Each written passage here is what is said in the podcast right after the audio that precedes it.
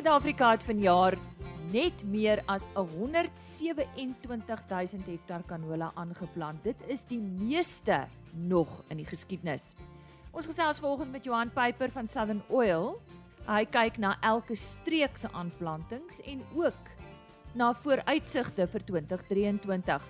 En dan hierdie week op RSG Landbou herhaal ons 'n paar van ons hoogtepunte wat hierdie jaar uitgesaai is. Die Toyota SA Agri SA Jongboer van die jaar, Hannes Wolfhard, daarvan Giani in Limpopo en ook Dr Stoffel de Tooi wat uh, vroeg in die jaar al gesels het oor sy verwerking van truksvye vir veevoer. Dis vandag op RSC Landbou. Goeiemôre op hierdie Maandag 26 Desember. Ek glo en vertrou jou Kersdag was sommer baie baie spesiaal. En as jy dalk uh, te veel geëet het, wel begin maar vandag met 'n nuwe dag.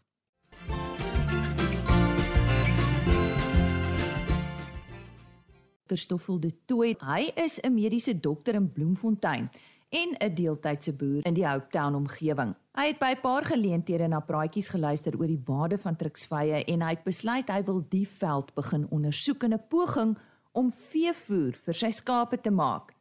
Dit was nie 'n kits resep nie, maar hy is 'n innoveerder wat nie maklik tou opgooi nie. Na talle probeerslae en baie navorsing en weer van voor af begin, het hy uiteindelik daarin geslaag om sy truksvye so te bewerk en te bewaar dat hy dwars deur die jaar ekstra voer vir sy skape het. Dit is 'n wêreldwye eerste. Kom ons luister na die gesprek wat Koop Stopisani met hom gehad het. Stoffel, eh, hoe het jy hoe het nou gekom dat jy nou so belangstelling aan die truksvye ontwikkel het? Droogte, kos vir die diere. En jy sien hoe jy diere swaar kry en jy koop mielies teen groot pryse. Dis elke boer in die Karoo se se grootste probleem is om hulle diere aan die lewe te hou in droogte tye. Ek is uh, Bloemfontein se deeltydse boere voorsitter. So ek reël sprekers om met die boere te kom gesels. En dis waar ek toe nou die eerste keer met die tuksvye van Dr Herman en Dr Uitso de Waal hulle praatjies te doen gekry het. En ek het besluit dat hierso is iets meer vir my as 'n Karoo boer, jy weet, om na te kyk. So dis waar die hele ding begin het. Toe het ek begin agterkom van die manne wat hulle pitte gebruik om olie te maak. Toe toe die pitte begin gebruik word, toe kom ek agter maar die manne gooi die sap in die grond in.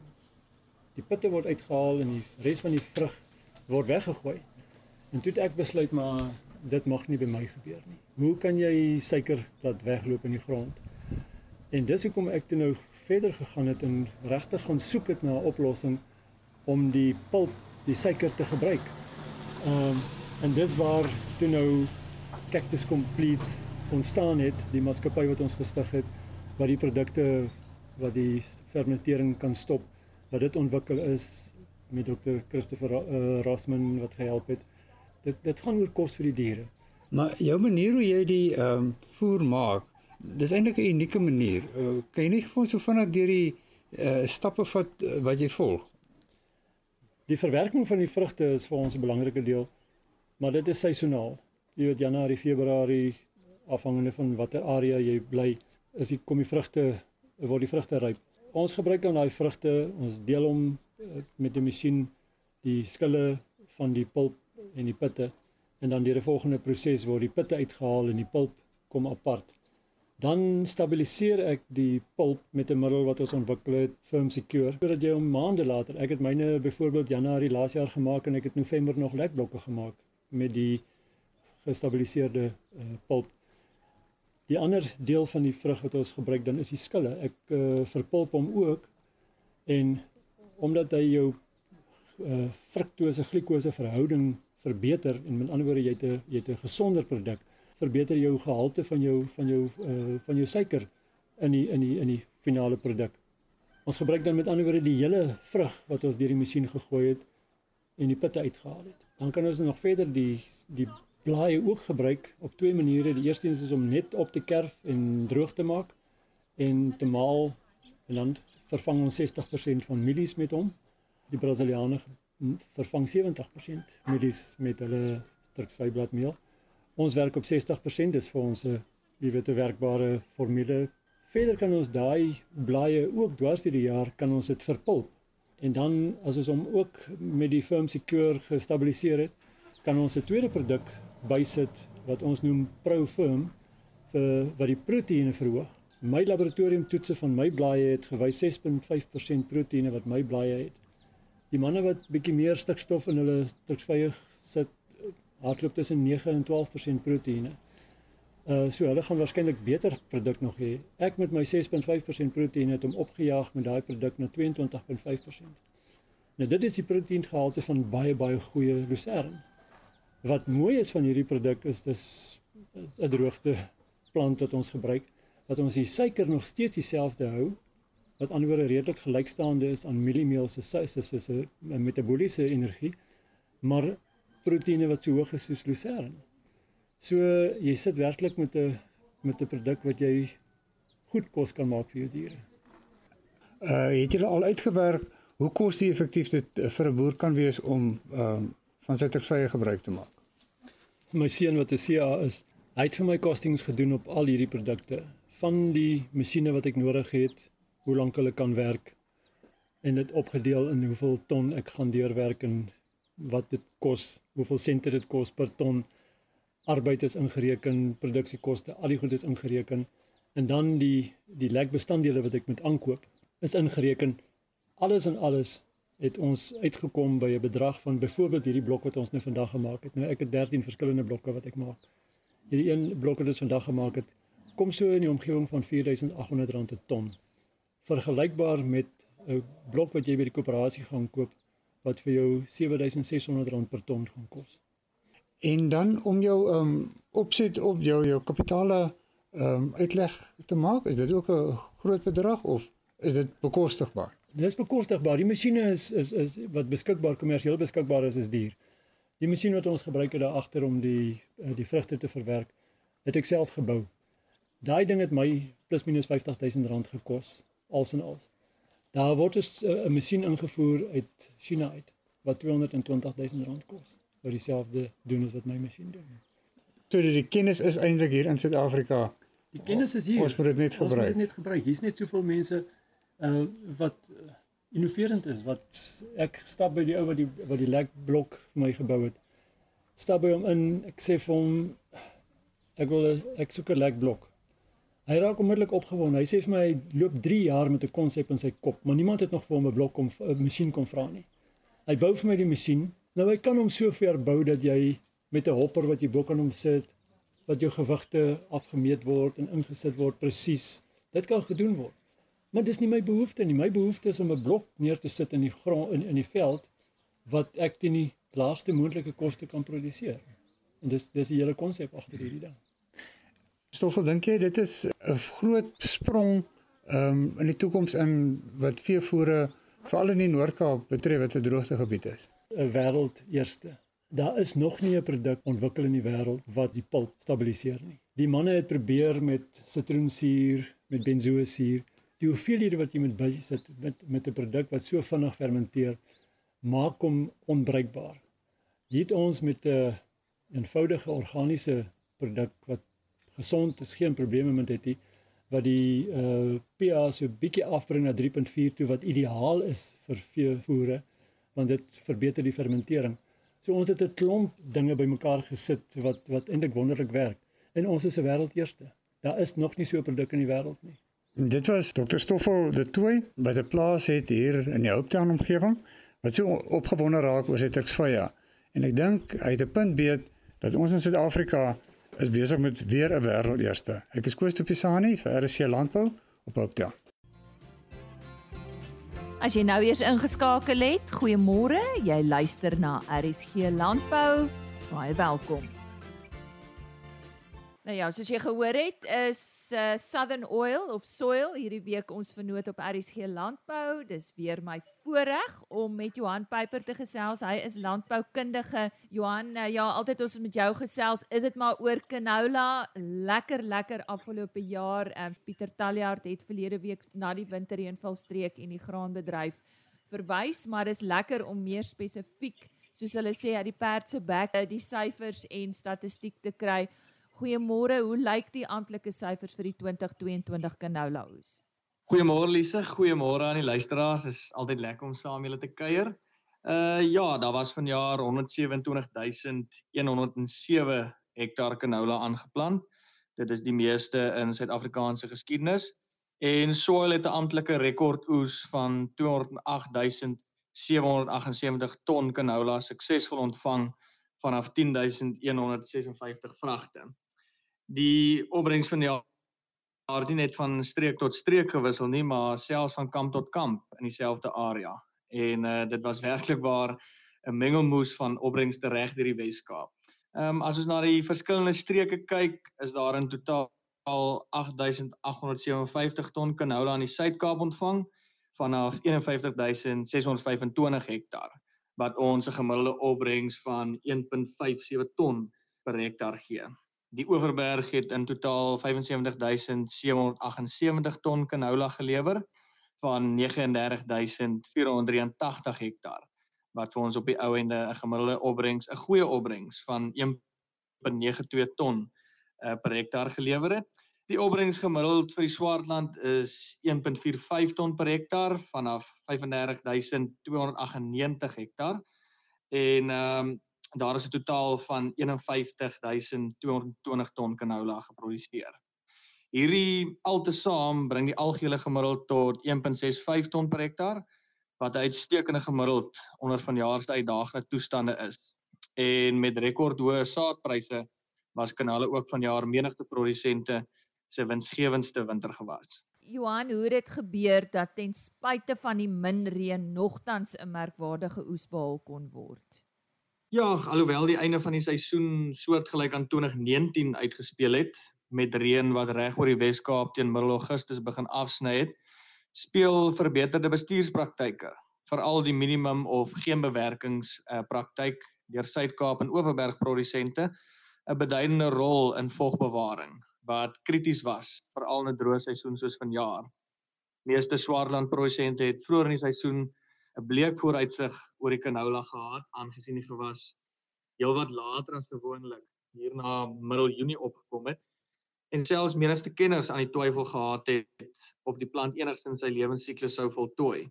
Alhoewel dit droog was, het 'n buitengewone koel September en Oktober genoegsame tyd vir die canola gekoop om die lewensiklus te voltooi en die pele goed te vul sonder dat die rypwordingsproses aangehits was deur temperature van 30 grade Celsius wat gewoonlik in September en Oktober in die in die Swartland ondervind word. Bygesê speel die nuutste tegnologie en innovasie van die canola kultivars ook 'n deurslaggewende rol in die gewas se droogteverdraagsaamheid en dra verseker by tot verbeterde opbrengste in droër seisoene.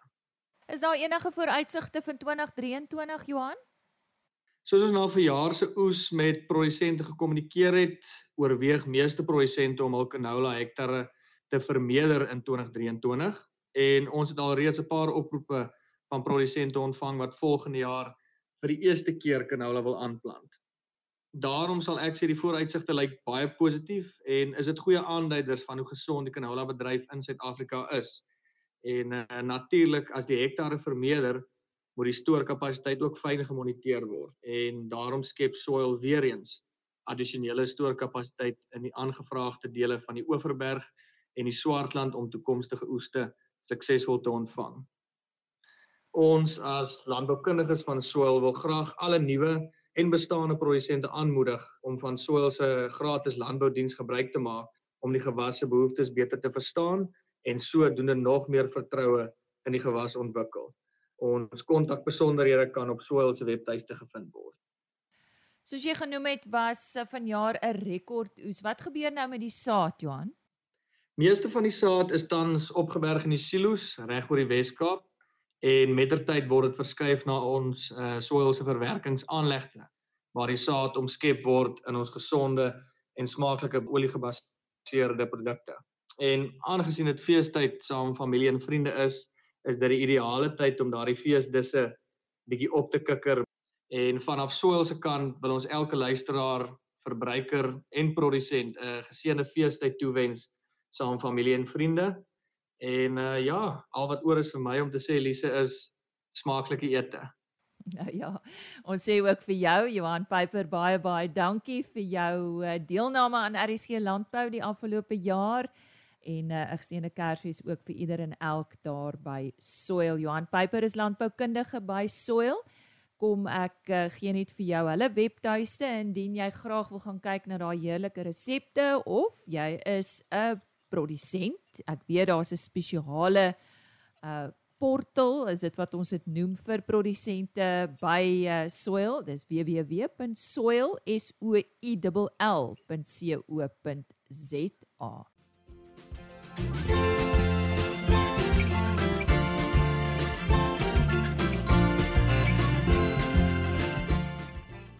En nou, die gesprek wat ek vroeër gehad het met Hannes Wolfhard, die 2022 Toyota SA Agri SA Jongboer van die jaar.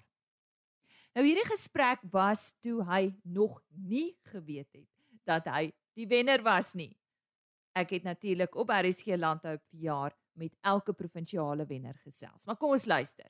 Hannes Wolfhard, 34 jaar oud van Wolfhard boerdery daar in die Giani omgewing in Limpopo, is onlangs aangewys as Agri Limpopo se jong boer vir 2022 en ek gesels nou met hom. Hannes, jy het in 2010 op 3 hektaar huurgrond en geleende trekkers en werktuie begin boer. Nou dis die tweede keer wat jy as die Agri Limpopo jongboer van die jaar aangewys is. Die vorige keer was in 2018. Julle is bekend vir julle soetrussies. So hoe het die boerdery uitgebrei en waar staan julle vandag? Ja, ons het ehm um, van 2018 af het ons regtig goeie jare agter ons gehad en uh moet sê die vorige jongboer kompetisie het vir ons baie deure ook oopgemaak. Ehm um, ons het daai tyd het ons nog nie regtig met ehm um, retailers of kontrakte gehad nie en van toe af het dit het ons regtig groot gegroei op dit.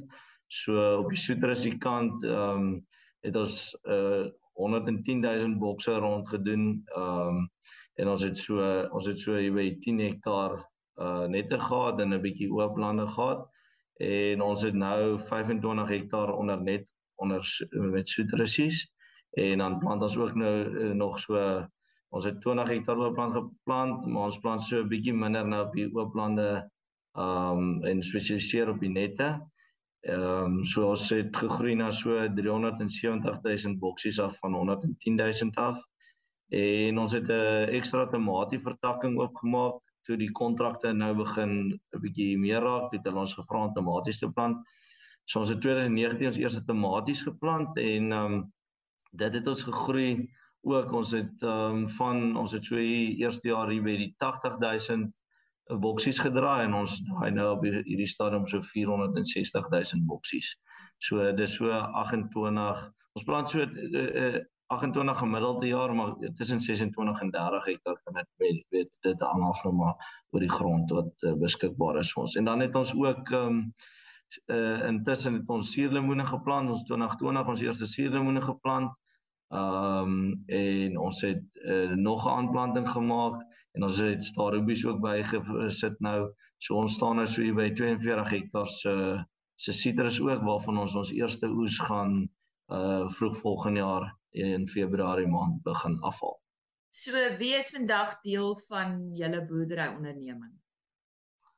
Ja, so in 2019 het my broer wat saam met my nog heeltyd in die boerdery was, maar in die stad was dit hy voltyds terug plaas toe gekom. Ons het ook die pakhuis oorgedoen toe hy teruggekom het. So ons het uh, twee twee lyne ingesit vir die peppers en die tomaties. So hy het um my kom help oorsaaklik om die aan die bemarking kant en aan die om die pakhuis my mee te help Um so hy het aangesluit en sy vrou is ook saam met hom ook terug op die plaas. Sy behartig ons finansie eh, finansiële kant. So en dan uh, my vrou is ook dan nog steeds betrokke uh sy doen die arbeidkant in die kantoor. So dit is 'n regte groot familie uh boerdery wat ons nou hier aan die gang het. So is baie lekker. Vir my so. Het jy landbou studeer? Ja, ek het by uh TUT landbou studeer. Ek het in 2006 gematrikuleer en toe ek uh, was ek vir 3 jaar TUT toe en ehm um, en toe het ek teruggekom om te begin boer ja. Hierdie kan nie 'n maklik bedryf wees waarin jy jouself bevind nie, maar jy wou boer. Is ek reg? Ja, ek eh, ek ek eh, my broers was altyd in die ander rigting in die besigheidsrigting. Ek wou maar nog altyd buite wees. Ek het nog altyd gewens om te boer. Nie eintlik gedink is moontlik nie, maar altyd gedink gaan seker maar vir iemand boer. En dinge het nou heeltemal anders uitgedraai. So ek het vir ander mense ook gesê, weet as ek nou terugdink, weet ek nie eintlik hoe ons dit reg gekry het nie. Ons was uh, baie geseënd geweest oor die jare. Ek dink ehm um, soms kan maar net vir die Here dankie sê vir alle al die seëninge wat ons kry van hom af. Ja, boerdery was maar nog altyd die ding wat ek wou doen en is dit die enigste ding wat ek sal wil doen tot ek eendag nie meer is nie. En hopelik vir my kinders dieselfde. Wie was jou mentor? Nee, uit en uit was my pa, was maar hy was maar die man wat ons Eh, reg groot gemaak het en ons uh, reg gekry het vir die groot menslewe in die wêreld daar buite. Hy is uiteindelik my mentor gewees. Hy het ons geleer om nie bang te wees nie om al is die odds teen jou en dinge gaan nie goed nie om vas te byt, hard te werk en jou bes te gee en net deur moeilike tye uh, weet uh, aan die regte dinge vashou in die lewe om daar deur te kom. So die lewenslesse wat my pa ons geleer het, ons drie seuns was 'n uh, massief massiewe rol wat dit in ons lewens gespeel het en dan ook ek moet sê my my broer wat saam met ons uh, saam met my boer speel ook 'n groot rol in, in my lewe. Hy kom uit 'n heeltemal 'n ander wêreld uit. Um dit help dit om 'n ander perspektief te kry van iemand af wat 'n uh, bietjie anders na die prentjie kyk, uh, meer uit 'n besigheidskant, finansiële kant af wat sy agtergrond is waar ek aan die van 'n boerdery kant af kyk. So tussen hom en my pa, my pa is nou oorlede uh, in 2016, maar ja, dit het 'n groot rol gespeel en gelukkig het ek my broer uh, wat elke dag saam met my is. Anders uh, groenteboerdery is tegnologies baie ver gevorderd en ek is seker daar's ontwikkeling ook elke dag. Wat is die beste tegnologie besluite wat jy nog gemaak het wat bygedra het tot jou sukses? Ja, ek dink ehm um, boer, uh, groenteboerdery ehm um, word baie uh spesifiek deesdae dit is uh, die mense sê altyd 'n mens kan nie meer ranch nie. Dis nie dis nie 'n ding wat jy net plant nie. Die siekte druk en alles is net soveel soveel meer elke jaar. So ons het baie het op spuite om die regte regte uh, toerusting te hê om om te kan boer met wat jy ook al jy boer is belangrik want 'n mens moet dit kan regboer en dis waar die tegnologie inkom. Um jy weet om te, vir regte spuite dan ook aan die aan die produksiekant en aan die uh, aan die pakhuise kant weet om in die ou tyd het 'n mens met met lyne met die hand gepluk en goed waar ons nou optiese sizers het weet wat gradeerders wat um die werk doen en en jy net 'n beter kwaliteit produk op die einde van die dag op die op die rak sit vir die verbruiker. Um so weet in die pakhuis speel dit 'n baie groot rol en ek dink ook op effektiwiteit van ons arbeid. Um weet uh, dinge gebeur vinniger met die tegnologie wat daar is uh van vandag. Kortliks, hoe is jy by jou gemeenskap betrokke? Ja, so ek is um ek het uh, is by Helpende Hand. Ons het 'n Helpende Hand Legiteli tak. Ons is so 22 jong manne wat um help met uh, by al die skole en met uh, mense wat swaar kry wat ons uh, betrokke is en dan is ek ook op die Agri Letaba Raad uh waar daar betrokke is met georganiseerde landbou. En dan jou familie.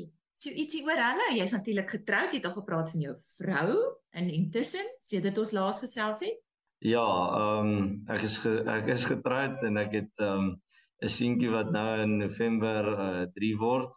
Oh. En uh, dan het ek ook my vrou verwag ons tweede seentjie ehm uh, nou die 13de Oktober. Ons is baie excited en sien uit na die nuwe 'n nuwe gesig in ons lewens. Ja. So ja, dit gaan 'n lekker tyd wees en ehm um, ja, en dan my broer, my broer en sy vrou wat op die plaas is.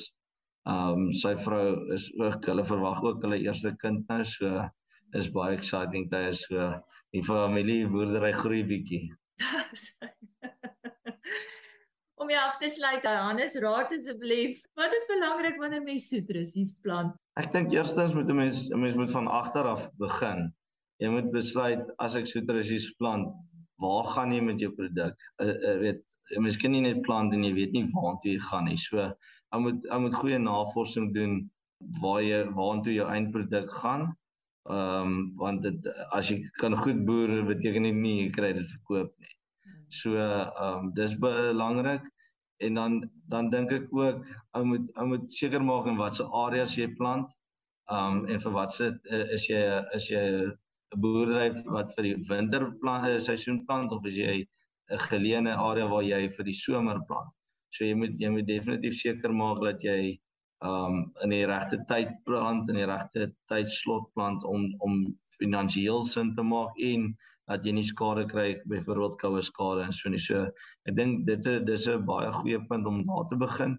En dan ook net weet daar's daar's baie soos ons gesê die tegnologie is ook met saad en en daai tipe goed. Die saad is eh, daar's goeie saad daar buite. So mense moet seker maak regte kultivars te plant uh, wat by jou wat, wat in jou omstandighede en jou klimaat gaan aanpas en en ook oor die insekte druk wat in jou omgewing is laat laat en die virusse laat 'n mens seker is dat jy nie onder dit gaan deurloop deur die regte kultivars te plant. So ek dink dis 'n goeie plek om te begin. Hannes Wolfhard, die Toyota SA Agri SA jongboer vir 2022. Dis dan vandag se RSC landbou. Ons kuier weer môreoggend om 5uur. Totsiens. RSC landbou is 'n plaas media produksie met regisseur en aanbieder Lize Roberts en tegniese ondersteuning deur Jolande Rooi.